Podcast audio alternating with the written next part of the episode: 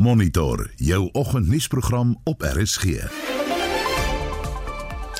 In die program vanoggend die aktiviste groep Verslaggewers sonder Grense waarsku teen die opkoms van 'n sogenaamde fopnuusbedryf. The unprecedented ability to tamper with content is blurring the lines between true and false, real and artificial, facts and artifices, jeopardizing the right to information and quality journalism.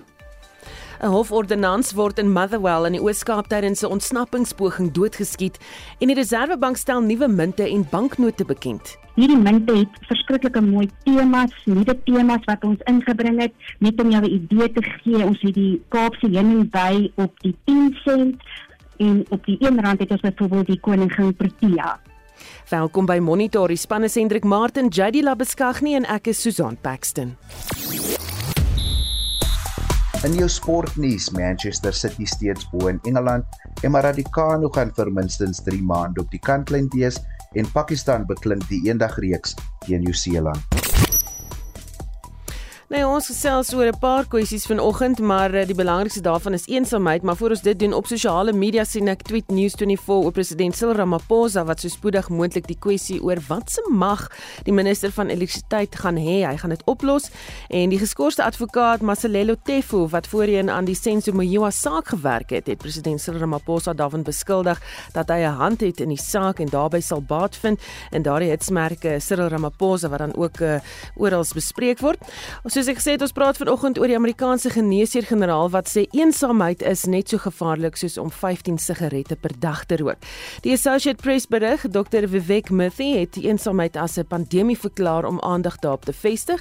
Veral die jeug ly aan eensaamheid wat jou kans om vroeër dood te gaan met 30% verhoog. Dit laat die vraag ontstaan wat mense doen om nuwe vriende te maak en hoe jy voel hieroor. Stuur 'n SMS na 45889 teen R1.50 per boodskap of praat saam op Monitor en Spectrum Spectrum se Facebookblad. Jy kan selfs so 'n stemnota stuur na 076 536 6961. Dis nou 'n uh, 10 minute oor 6 jy luister na Monitor. Die nasionale voorsitter van Action SA, Michael Beaumont, is ontevrede oor die talle verdagings van Dinsdag se sitting van Johannesburg se Metro Raad waar 'n nuwe burgemeester verkies moes word. Die onderbrekings is glo meegebring omdat die alliansie van die ANC, EFF en minderheidspartye of minderheidspartye eerder nie kon ooreenkom op 'n burgemeesterskandidaat nie. Die Al Jamaa raadslid, Tapelo Amat, vroeër het vroeër bedank en die stad sonder 'n burgemeester gelaat. Die speaker Spreker Colleen Makubele het die stemming vir 'n burgemeester tot Vrydag uitgestel. Beaumont sê hulle is nie verras oor gister se gebeure nie. Ons praat met hom. Uh, good morning, Michael. Good morning. Thank you very much. What happened at this meeting? Well, it's very clear that the ANC and EFF came to the meeting divided. They've done a deal in various municipalities in Gauteng, but essentially, because there is a trust deficit between them, and quite understandably, they nominate these small parties to lead on their behalf. Uh, and when they came to the council, the, the deal fell apart. And for an entire day, caucus meetings were called one after the next for about nine hours before the meeting was collapsed, which is outrageous when you understand that these council meetings cost over half a million rand at a go. But in addition to that, it's it's a city that is desperate for leadership. Johannesburg is the economic hub of our country. Uh, it's questionable whether we've even had a mayor for the last few months with Tupelo Ahmad uh, in the position. But now, after his resignation, the residents of the city need services, and that requires political leadership. Mm. Well, half a million rand. Why does it cost so much? Well, as you can imagine, all things with government, what should cost two costs five. Um, but you know, really, to convene 270 councillors and you know, being a ANC and EFF government, there's always going to be three meals a day, and uh, the delivery of, of documents for council meetings to the private homes of all these people. So it's an expensive affair to pull together. But let's also understand, it's taking 270 councillors away from what should be assisting residents with service delivery on a daily basis as well. Hmm. How do you suggest this should be avoided? Well, I mean, political parties have got to get their act together. You can't call council meetings and not come there with a clear understanding of how we're going to elect a mayor. And you certainly can't project that level of instability upon the residents of Johannesburg. We must understand that this ANC and EFF deal is a very bad thing for the people of Gauteng. Aside from the fact that the policies and, and actions of those two parties are very negative. Uh, the idea that you can have one seat parties with no constituency or vision that are going to lead complex cities with big challenges like Johannesburg is bound to cause this kind of chaos. The reality is the ANC and EFF must be stopped, and that is what Action SA and other parties are working to do. Mm. Who will Action SA work with to vote for a mayor? Well, I mean, already we've worked um, with the IFP, the Freedom Front Plus, the ACDP, and the UIM. These five parties have come together uh, in a very difficult time after the DA had walked away from the table. And we united behind a single candidate. And we're already finding there are a lot of political parties in council who are disillusioned by what the ANC and EFF have done. And we are starting to build that majority very rapidly. But I must say, we also realize the importance of working with the Democratic Alliance. And even if they are operating as an individual in a team sport right now, we are working with them, we're engaging with them, and we're trying to get them to the table to do what is right for the residents. Mm. And who would you support then as mayor? Well, our, our parties have nominated Funsi Ngobeni. He is our Action SA caucus leader. He's been the MMC of three different portfolios over the last two terms of office and the leader of executive business. But I think most importantly, because the individual is a very important question and often glazed over in coalitions, he's got the right temperament to bring stability to coalitions. And I think the coalition partners rallied behind him for that kind of reason. Mm. How do you suggest this instability in local government with coalition politics is curbed? You know, there's there's many ways, and there's an effort to try and legislate these things, which may help to some extent. But you know, I think the ultimate solution lies with the voters, because I think the only thing politicians can be trusted to do is look after their own self-interest. And I think the South African people are coming to terms with the idea that a party's track record and policies are one thing, but when the future is coalitions, they also need to look at how those political parties behave in coalitions.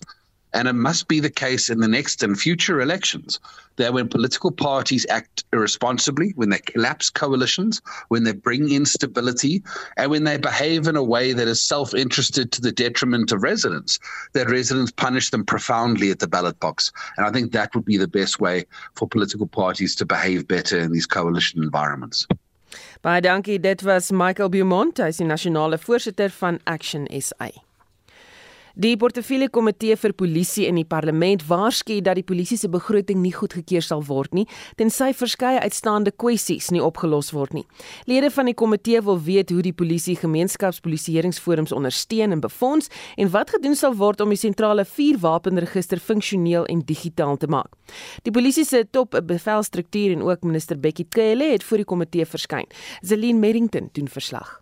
Die voorsitter van die polisiekomitee, Tina Jumat Patterson, sê hulle word oorval met klagtes van gemeenskapspolisieering forums van reg oor die land dat hulle nie ondersteuning kry van die polisie nie.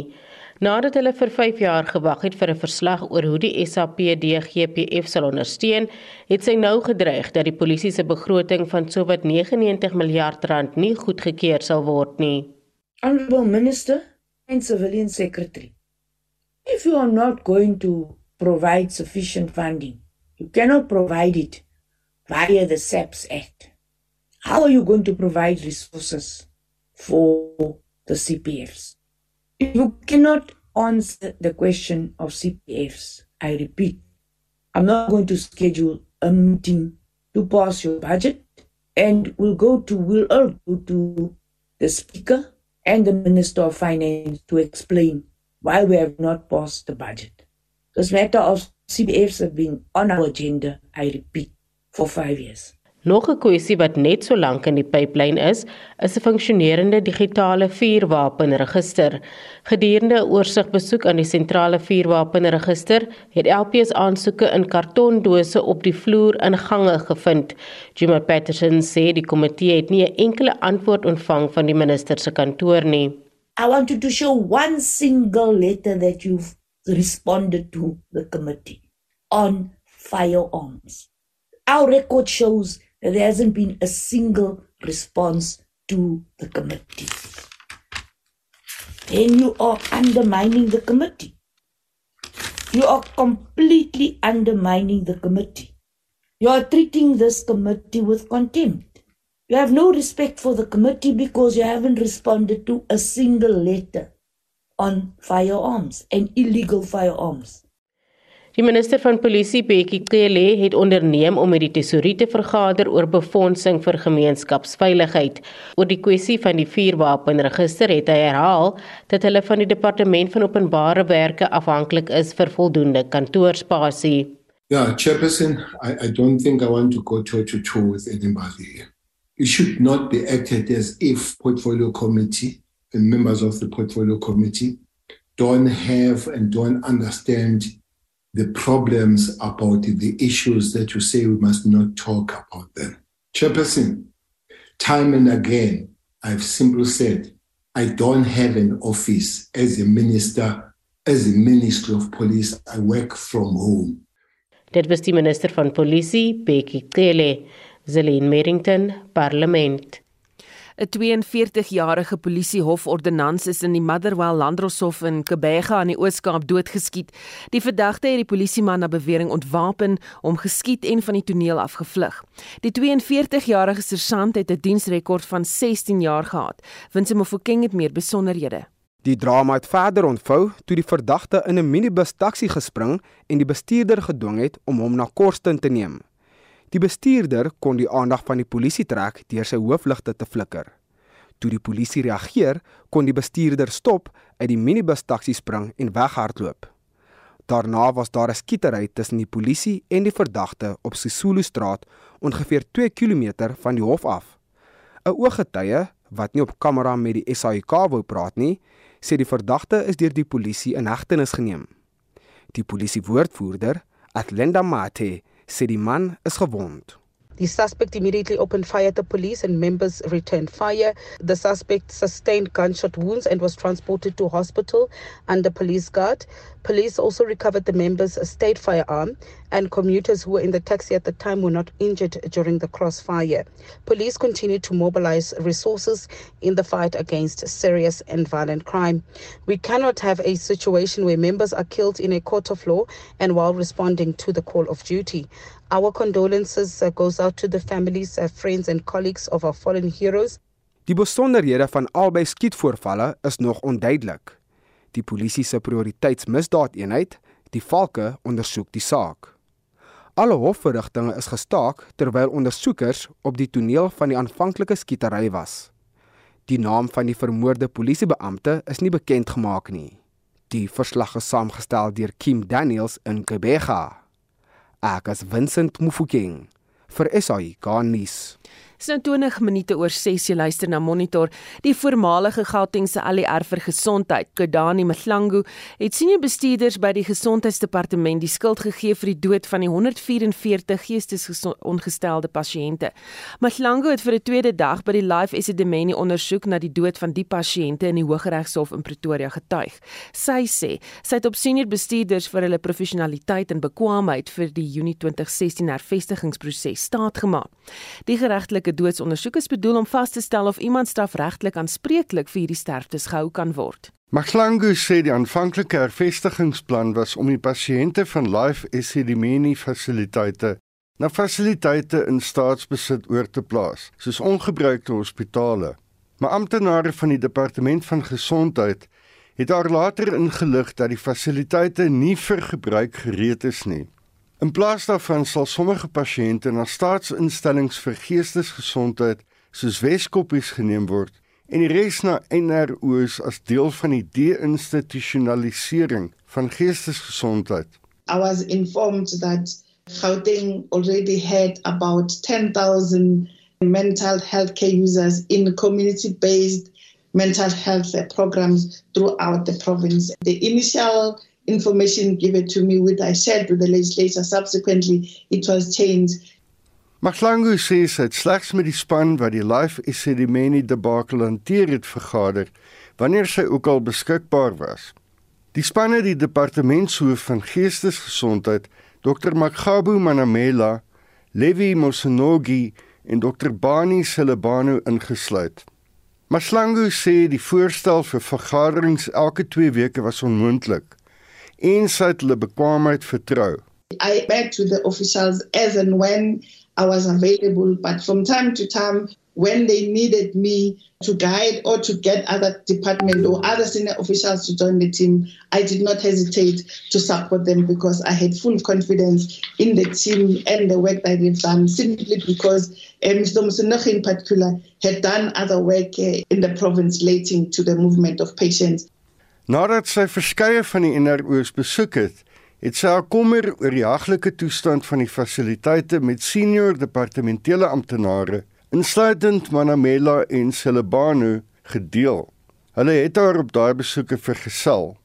Mahlangu sê sy het selfs die families van die pasiënte aangemoedig om enige kommer wat hulle oor die NRO geriewe het aan te meld. I encourage, first of all, the families to establish a family committee with the participation of the department. And I further encourage them to give me a call in case the officials were not assisting them or misdirecting them. And I further ask them to go to the NGOs and visit the NGOs with the officials. And where they were not pleased with the NGOs, I further encourage them to call me and report Maglango is ook gevra om kommentaar te lewer op berigte dat twee van die NRO's oor bedrieglike lisensies beskik het om haar tydens besoeke om die bos te lei. I had no um, knowledge of uh, licenses being issued fraudulently to to different people because Dr. Manamela and her team has been doing this work for the longest of time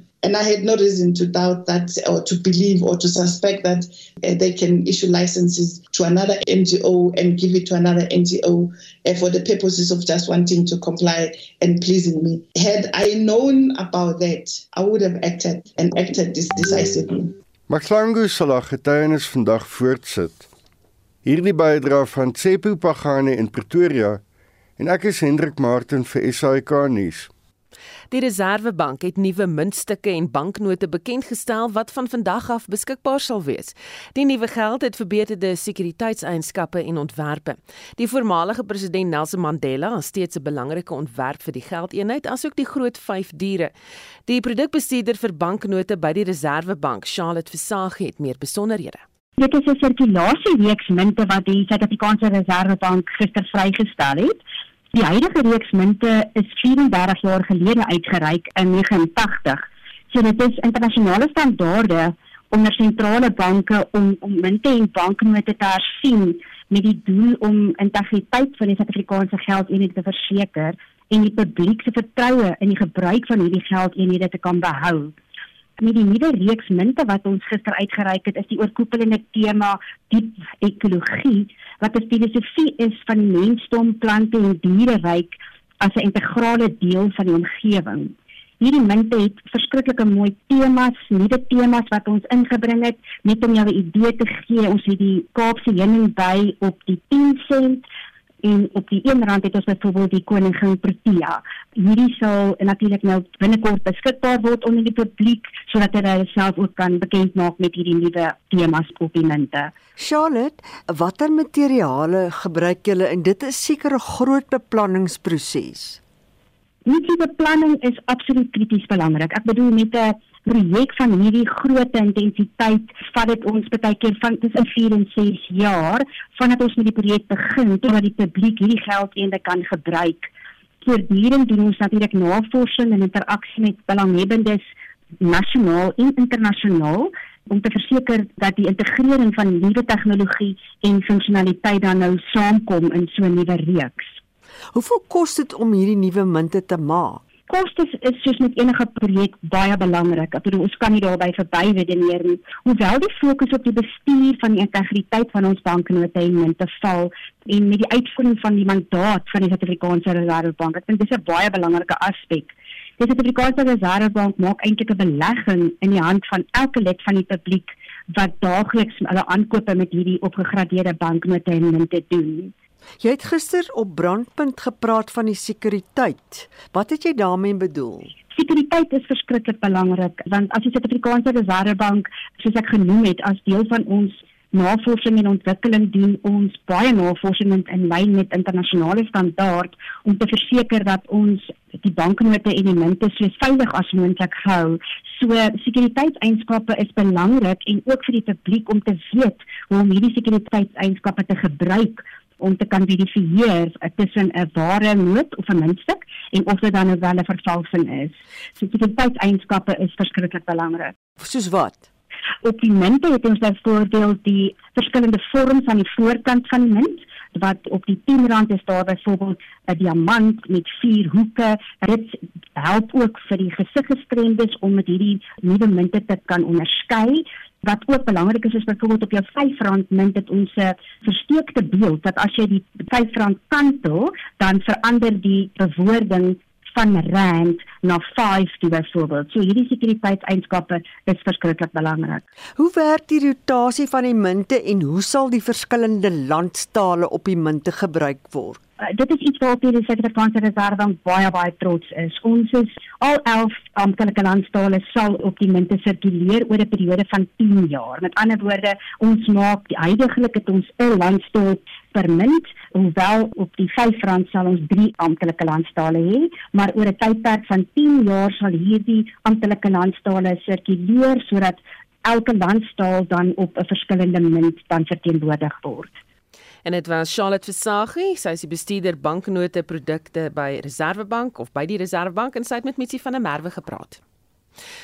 Wêreldnuus: Oekraïne se president Volodymyr Zelensky ontken dat sy land 'n hommeltuigaanval op die Kremlin in Rusland uitgevoer het. Rusland beweer die aanval was 'n sluipmoordaanval op president Vladimir Putin se lewe en ST het vir ons meer besonderhede. Is reg Susan op besoek aan Finland het Zelensky gesê Oekraïne voer nie aanvalle op Putin of Moskou uit nie. Hulle verdedig net hulle stede en dorpe. Nou ontploffings is gisterand in Kiev gehoor en Oekraïne het ook gesê dat 21 mense dood is in 'n aanval op Gerson toe missiele 'n mark, 'n treinstasie, 'n petrolstasie en geboue in woonbuurte daar getref het. Nou 'n video wat wyd op sosiale media versprei word en 'n bewering dui op die aanval deur Oekraïne op die Kremlin in sentraal Moskou vroeg gisteroggend bly egter onbevestig. Die BBC se Ross Atkins verduidelik wat in die video gesien kan word. We see an object fly in from the left and explode. We know this is Moscow because this is Red Square. Here's a recent picture of the same place with the Kremlin wall in the background and stands for next week's victory parade. You can see those stands in the video too, meaning it's also recent. And if we play the video on and pause again, there's the object flying towards the dome of the Senate Palace. Moments before it explodes, we can see people on the dome. We don't know who they are or what they're doing. Now, Russia says it was attacked by two unmanned aerial vehicles, in other words, drones. We can't confirm that. Daar is nog 3 video's van dieselfde voorval. Die Kremlin sê Putin was nie in die gebou toe die beweerde aanval uitgevoer is nie. Die BBC berig fotos van die Kremlin gister wys dat die deel van die gebou wat na bewering geteken is, nie beskadig is nie. En die reaksie van die weste is dat beweringe deur Rusland versigtig hanteer moet word. Die VSA se minister van buitelandse sake, Anthony Blinken, sê enigiets wat deur Rusland hieroor gesê moet word en ek haal aan moet met 'n knippie sout geneem word. Hier is die Withuis se media sekretaris, Catherine Jean Jean Pierre. Since the beginning of this conflict, the United States is certainly not encouraging enabling Ukraine to strike beyond its borders. We've been very clear from, from here about that. But again, I don't want to get into speculation from here about authenticity of this report, so I'm just not going to speculate from here. En dit was die Withuise media sekretaris Catherine Jean-Pierre. In Belgrado, Servië is 8 kinders en 'n sekuriteitswag doodgeskiet tydens 'n massa-skietvoorval by 'n skool. Is reg Susan en 'n 13-jarige seun is in hegtenis geneem vir die voorval en die polisie sê die seun het gesê hy het na bewering Die seun, die seun het na bewering die skietvoorval 'n maand lank beplan en 'n lys van die kinders wat hy wou doodskiet, het hy op hierdie lys neergeskryf. Hy het skool toe gegaan met twee vuurwapens wat aan sy pa behoort en het na bewering eers op die sekuriteitswag uh, geskiet voordat hy op drie skoolmeisies losgebrand het en daarna het hy na die geskiedenisklas beweeg waar hy eers die onderwyser geskiet het en toe op nog van sy medeleerders losgebrand het. Beide sy ouers is ook in hegtenis geneem en die verdagte is in 'n psigiatriese hospitaal opgeneem vir waarneming. 3 dae van nasionale rou is deur die regering verklaar. Nou aan die finansiële front het die Amerikaanse sentrale bank gister rentekoerse tot die hoogste vlak in 16 jaar verhoog. Dis reg en die Amerikaanse rentekoers wissel nou tussen 5 en 5,25%. Hier is die voorsitter van die FSA se sentrale bank, Jerome Powell. The committee will take into account the cumulative tightening of monetary policy, the lags with which monetary policy affects economic activity and inflation, and economic and financial developments. We will make that determination meeting by meeting. En hier is Jason Furman, die voormalige hoof-ekonomiese raadgewer van die VS se voormalige president Barack Obama. The good news is inflation expectations remained anchored. Inflation isn't rising. And that's probably a lot better than what would have happened if the Fed hadn't taken these aggressive steps. The bad news is that inflation, underlying inflation, at least when you subtract out food and energy, isn't really falling. So we haven't seen very much, if any, progress in underlying inflation yet. En dit was Jason Furman, die voormalige ekonomiese raadgewer van Barack Obama. En dit was Estie met 'n oorsig oor vandag se wêreldnuus. Monitor jou oggendnuusprogram op RSG. So 633 Suid-Afrika se nuwe geldnote en muntstukke word vandag in omloop geplaas. Die aktiviste groep verslaggewers sonder grense waarsku teen die opkoms van 'n sogenaamde fopnuusbedryf. Meer daaroor net hierna en die Padco busdiens skort sy dienste op omdat die Gautengse regering nie hulle brandstofsubsidie betaal het nie. Bly ingeskakel. Daar is geen verkeer. In die Weskaap verwag vertragings in Kaapstad op die R300 by die N1 oprit en dis weens druk verkeer. Verkeer op die N2 stad en is ook reeds besig om op te dam en dit veroorsaak vertragings by die Jakes Gerwel afrit. En soos jy nou gehoor het, eh, Susan wat sê die Padco pendelaars in Johannesburg sal waarskynlik alternatiewe vervoerplanne moet maak. Die busmaatskappye dienste opgeskort tot verdere kennisgewing. 45889 is die SMS lyn. Jy kan verkeersnuus met ons daar deel. 'n SMS kos jou R1.50.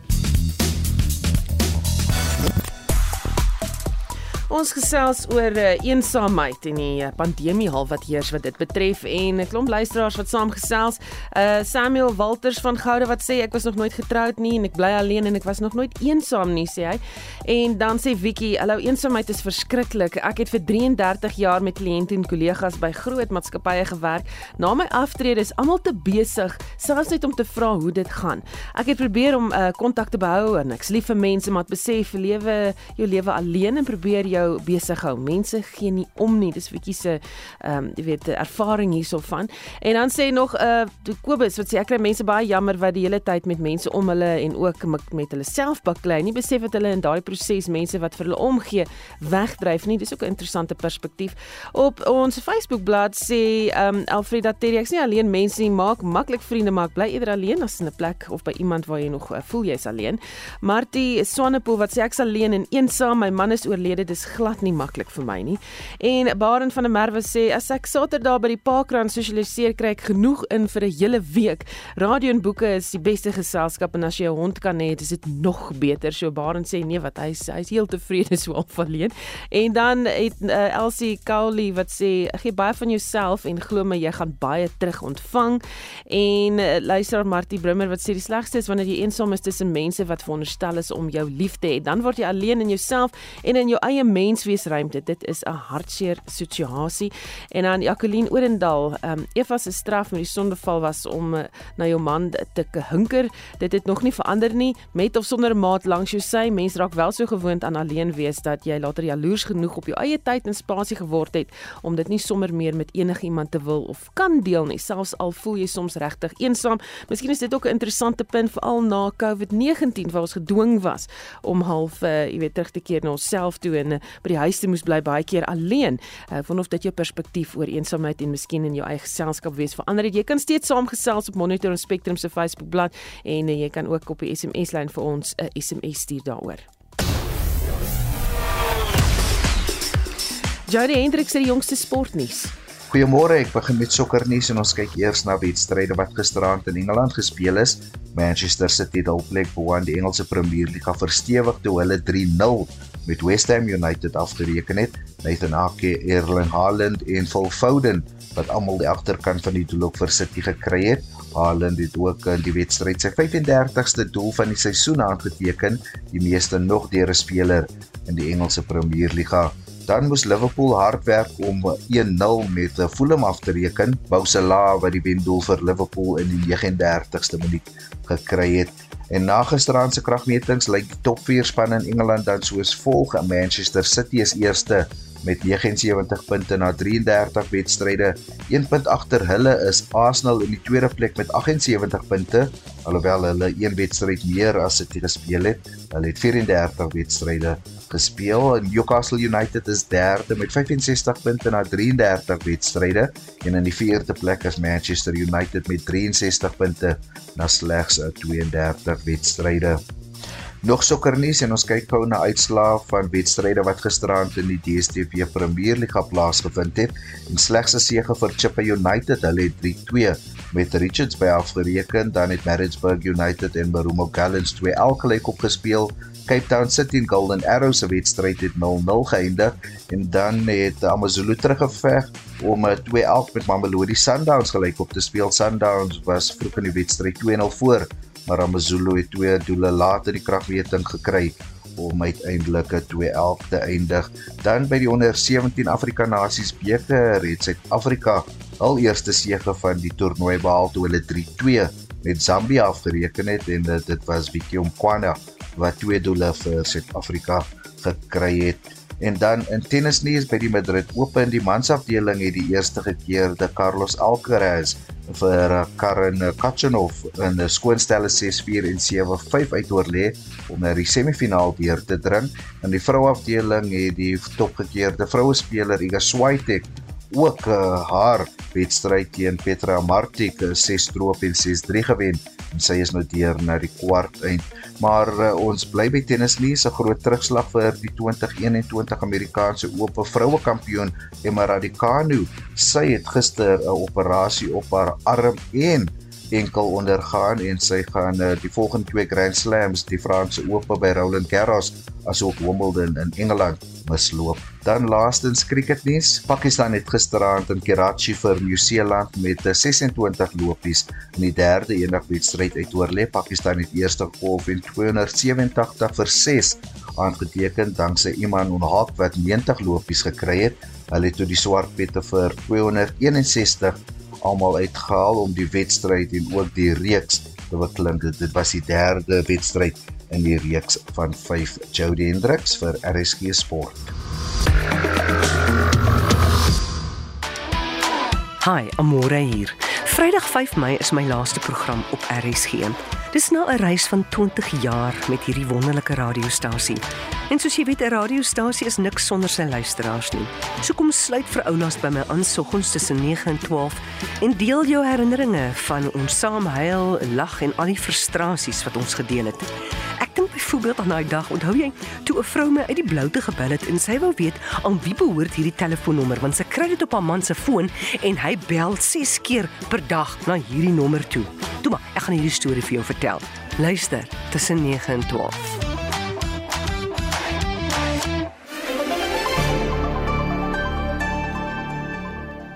Is nou uh, presies 20 minute voor 7 jy luister na Monitor en ons gesprek vanoggend gaan oor Fopnuus. Die internasionale aktiviste groep Verslaggewers sonder Grense het sy vinger gister met Wêreldpersvryheidsdag op die pols van 'n kommerwekkende tendens geplaas wat die vloei van betroubare inligting vertroebel. Rebecca Vincent van RSF verduidelik in 'n kort video dat sommige lande drasties in die rangmeer van mediavryheid op en afgeskuif het. RSF's 2023 World Press Freedom Index shows enormous volatility with major rises and falls and unprecedented changes. This instability is the result of increased aggression on the part of authorities in many countries and a growing animosity towards journalists on social media and in the real world. This year's volatility is also the consequence of growth in the fake content industry, which produces and distributes disinformation and provides the tools to manufacture it. The unprecedented ability to tamper with content is blurring the lines between true and false, real and artificial, facts and artifices, jeopardizing the right to information and quality journalism. Dit was die stem van Rebecca Vincent van Verslaggewers sonder Grense. Ons praat nou hier oor met die waarnemende direkteur-generaal van eh, die GCIS. Dit is nou die regering se kommunikasiedepartement, Michael Curran. Goeiemôre Michael. Môre Susan, uh, baie goed om weer jou stem te hoor. Ja, vorige keer was by die presidensiële beleggingskonferensie. Ja. Ons ander gas ja, is uh, emeritus professor in journalistiek van die Noordwes Universiteit, Johannes Vroneman. Goeiemôre Johannes. Goeiemôre Susan. En terwyl jy nou aan die woord is net om op te som, sy verwys hier na 'n groei in die sogenaamde vervalste inhoudbedryf wat dan die reg tot betroubare inligting in gevaar stel. Wat presies is hierdie? Wel ek dink sy verwys na uh, waarskynlik na die sogenaamde AI, oftewel kunsmatige intelligensie. Uh, dis die genereer van vals nuus en deesdae selfs uh, beelde wat presies lyk asof dit uh, inderdaad so afgeneem is met 'n kamera of met 'n video. So die um, onderskeid tussen wat werklik is en wat waar is en wat ten minste uh, deur legitieme joernaliste jy weet uh, geproduseer is en dit wat valslik uh, bymekaar gesit word deur uh, mense wat ander doelstellings het uh, dit vervaag. En uh, jy weet die, die gevaar is dat uh, gewone uh, luisteraars, kykers en lesers nie daai onderskeid altyd uh, sal tref nie en dat dit die uh, die waarheidsgehalte O, oh, Janus, ek gaan vir jou daar nou, uh vra om net vir ons daai laaste oor die gehalte te herhaal en miskien so 'n bietjie te nou, beweeg nou, jou sein wat vir ons daar in die steek laat. Ja, die gehalte van journalistiek hang af van betroubaarheid en dat mense dit wel kan uh jy weet ver, vertrou. En as dit uh nie uh so is nie omdat mense besig is om doelbewus uh vals inligting te skep. Jy weet dit dit vertroebel, vertroebel die water hmm. en dit maak dit vir leerders, luisteraars en uh kykers moeilik om te onderskei. Michael, die vernaamste voorbeeld van vals nuus is dit wat oor COVID-19 gesê is destyds tydens die uh, jy weet hoogtepunt van die pandemie. Hoe het julle dit ervaar? Susan ek ek dink professor uh, Vrodeman is heeltemal reg en en luisteraars en soos ek verlede keer gesê het uh, my Afrikaans is nie so goed nie so julle gaan my vergewe as ons nou by die technical goed kom as ek nou 'n bietjie Engels moet gebruik. Ja, dan oor na Engels. Verskoning vir julle mense in die RSG luisteraars hoor.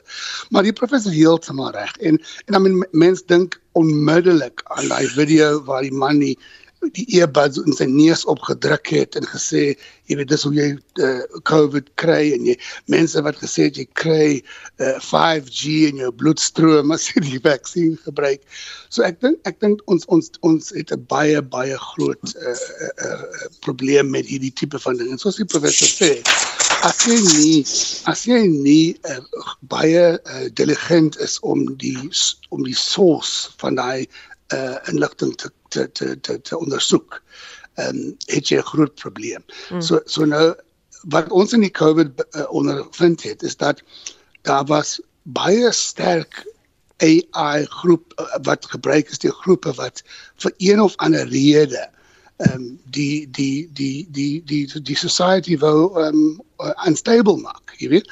Ehm um, ons ons het vaccinations gevat in Suid-Afrika sodat ons klein kinders was vir alles. Maar ewe skielik was jou dok jou jou huisarts of jou verpleegster in die gemeenskap nie meer jou jou betroubaarste uh, uh, uh, source of information. En dit is was 'n baie groot probleem. Waarom mense nou ewe skielik vergeet dat jy 'n vaksin gebruik om om jou lewe te red of om polio uit te wis of 'n ding en nou ewe skielik. So so ek dink Nee, gaan voort Michael. Ja ja die die WhatsApp was bietjie dodgy. So ek gaan 'n bietjie Engels gebruik. Mm. So so I think I think in COVID it was a big test for South Africa Susan.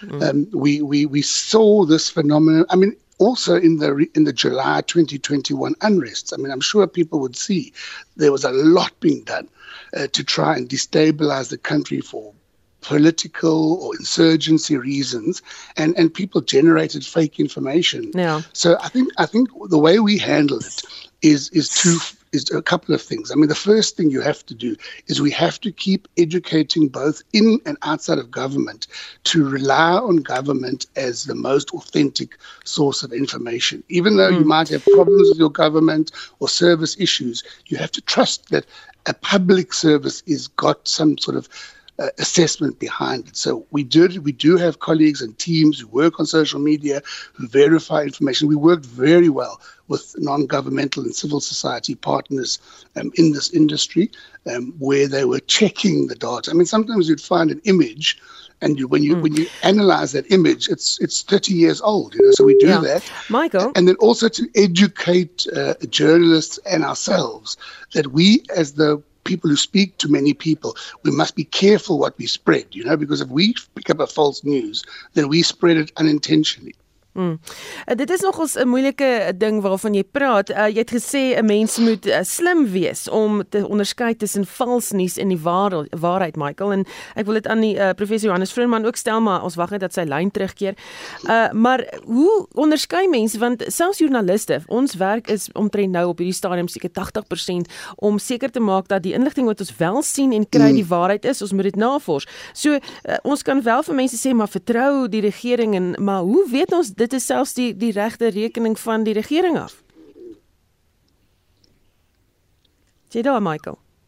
O, is ek skiet ja. tog dog jy wat die prof. ja, weet jy weet jy daar is I mean ons is nou 'n bietjie opgelei uh, recently. Uh, daar is tegnieks wat jy gebruik om om uh, image byvoorbeeld 'n foto of 'n video um, te analiseer en te sien of dit o wag 'n bietjie hierdie ding is nou nie dit dit, dit is gedateer 2010 en is nou 2023. Ehm um, maar die beste die beste metode is soos in gewone uh, journalistieke praktyk. Bel uh, mense, bel mense um, in die staatsdiens, bel die kommunikasiediens, bel die polisie um, daar's baie geleenthede waar joernaliste nou opgevolg het met byvoorbeeld die, die polisiediens en dan het die polisiediens gesê nee daai insident het nie plaasgevind nie. Ehm um, so maar die ding is ons verantwoordelikheid as die regeringskommunikasie is om is Susan om meer korrek te wees. On, ons moet ons standaard hoog hou, jy weet. Ehm um, sodat mense kan sê, ek weet jy as ons nou uh, as ons nou GCS bel of ons nou die die die wat is die woordvoerder van die kommissaris van polisie bel kan ons weet ons gaan dit korrek kry dis en dis ons verantwoordelikheid om daai om daai opleiding en daai tipe van ja. authentic and credible voice te wees weet jy? Ja. Ehm um, Johannes is jy daar Ja, ek is terug by julle. Ja, goed. Dan uh, ons het nou gepraat of Michael het nou gepraat oor jy weet uh, mense moet slim wees om om te onderskei tussen jy weet vals nuus en die waarheid. Tans werk ons baie hard um, agter die skerms om wat ons ook al sien en kry eers te bevestig as hoofstroom media en dan uit te saai. Ehm um, jy weet kan 'n mens regtig byvoorbeeld alles vertrou wat jy sien en veral soos wat Michael gesê het jy moet die die regering kan vertrou. Ja, ek het 'n ongelukkige uh, effens 'n ander uh, standpunt daaroor. Ehm um, en ek verstaan dat Michael ehm um, uh, daai standpunt inneem. Dit is so, ons moet behoort die regering te gaan vertrou, maar die feit van die saak is dat wêreldwyd uh, is regerings van die mense wat die meeste onbetroubare nuus versprei, selfs propaganda. So uh, hoewel uh, ek hoop dat uh, die regeringswoordvoerders en dis meer inderdaad maak wat Michael sê, ehm um, uh, vertrou ek dit ongelukkig nie genoegsaam nie en daarom is dit so belangrik dat ons uh, uh, onafhanklike media het uh, los van die uh, regering wat uh, um, jy weet wat wat hy balans bring en wat uh, onafhanklik van die regering uh, inligting insamel.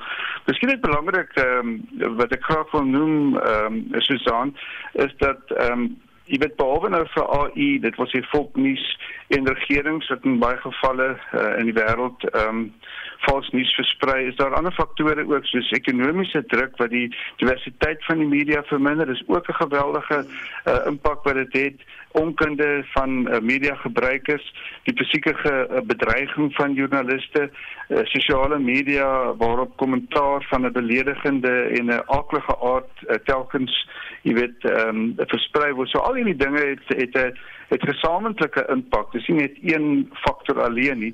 So al hierdie dinge vra eintlik van luisteraars om uh, gebruik te maak van media wat hulle kan vertrou en nie net allerhande nonsens te glo wat hulle wat hulle sien op die op die sosiale media nie. Hmm. Terwyl jy aan die woord is, um, ek het ook al 'n veld toe gesien wat hoofstroom media probeer diskrediteer. Waar pas die hoofstroom media in hierdie proses?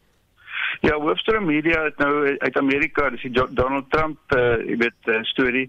Hulle het uh, die hoofstroom media begin uh, aftakel en voorstel dat dit uh dit, dit die groot sondaars is.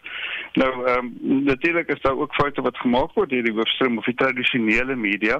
Maar die, die wat ons bedoel met hoofstroom media is tipies jou ehm um, jou radiostasies, jou televisiestasies uh en natuurlik jou uh, dagblaaie ehm um, wat in die, in die verlede en oor baie jare, selfs meer as 100 jaar, uh, nuus aan aan luisteraars bring. Dis die mense wat gister of eergister som net begin het om om nuus te versprei. Nie. So dit is betroubare name, mense wat jy en instansies wat jy oor baie jare, dekades uh, gebruik het. So ek dink dit is die wat ons bedoel met die hoofstroom media. Hmm. Michael, ek hoor jy uh, stem saam of uh, maar jy maak geluid daar agter. Ja, weet je, ik kan heeltemal uh, uh, saamstem met Johan. Dat, dat, dit, is, dit is juist de reden waarom je moet uh, werken om die staatscommunicatie uh, recht te krijgen. Ik ga een beetje Engels gebruiken, excuse toch. So, so I think, you know, you know to, uh, Suzanne and listeners, the, this and it's even worse, Johan. They people attack particular journalists. I mean, we've had cases in South Africa where terrible gender-based attacks on female journalists happen, where they attack journalists uh, on social media and threaten them. And I think, Suzanne, for me, part of that issue is what kind of position does a government adopt? And I think Johan is right.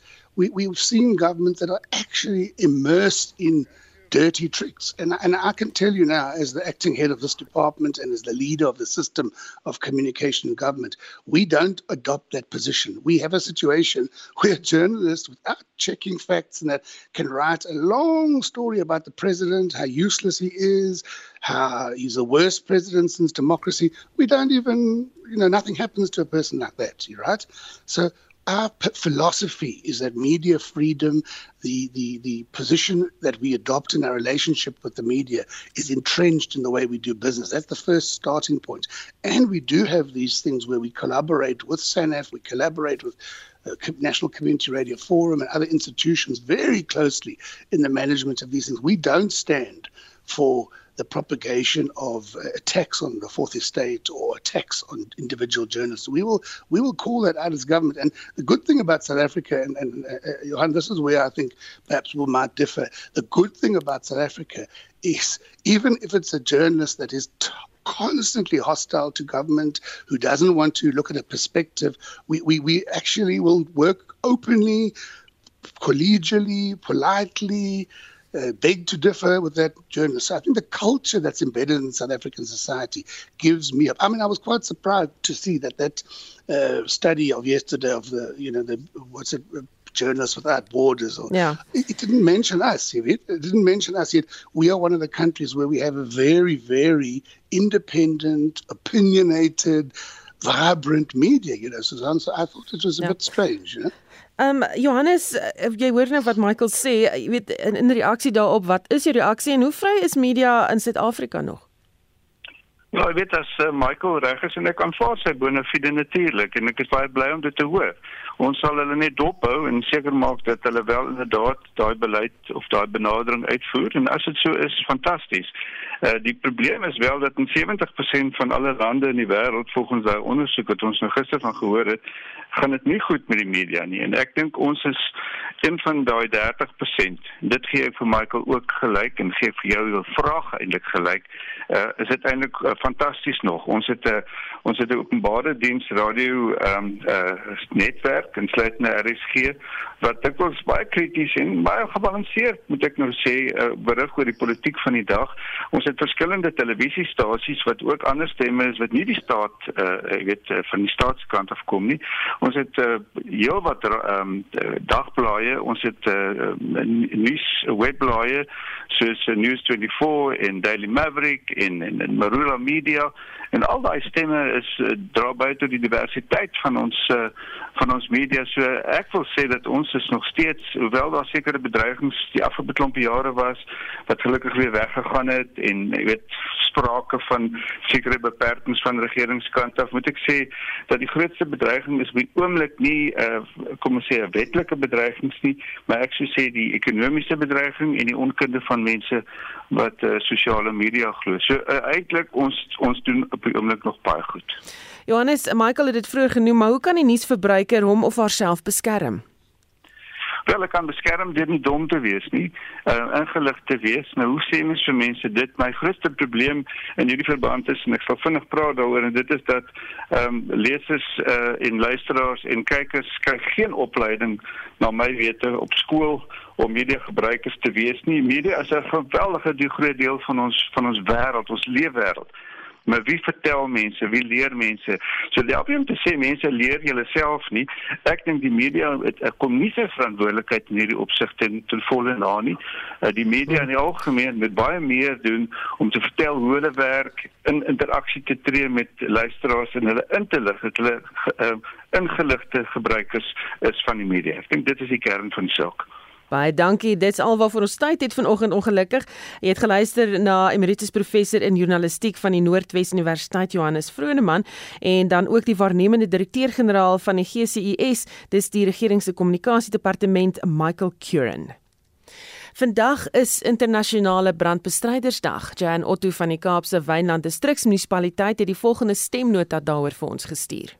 Die Kaapse Wynland Distriksmunisipaliteit se branddienste vier internasionale brandbestrydersdag op Donderdag 4 Mei deur om saam met brandweerspanne van reg oor die Wes-Kaap op die Braak in Stellenbosch saam te trek.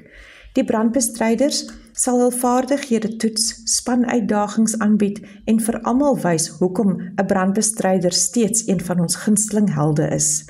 Almal is welkom om hierdie gratis uitstalling by te woon. Om die volledige program te sien, besoek gerus Cape Windens DM op Facebook.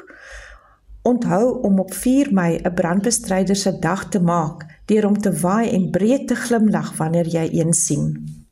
En dit was Joanne Otto van die Kaapse Wynland Distriksmunisipaliteit. Ons uh, nog terugvoer so vinnig oor ons gesprek oor eensaamheid. Uh, Mara van Kempton Park wat sê ek is nooit getroud nie en geensins eensaam nie. Ek hou myself besig. En nog 'n luisteraar wat sê môre, nee, na Covid het mense hulle maniere verloor. Daai WDB praat maar dan behandel mense jou af uh, asof jy aansteeklike siekte het. En nog 'n luisteraar wat sê eensaamheid is verskriklik vir die gees. Daar's soveel eensaamheid kan mense nie 'n groep hê waar eensames mekaar kan leer ken en enkele lopende vroue met selfde leefstyle en behoeftes dan nou saam mekaar kan uh, sy sê huis deel, maar miskien dalk net met Kaar se tyd deel.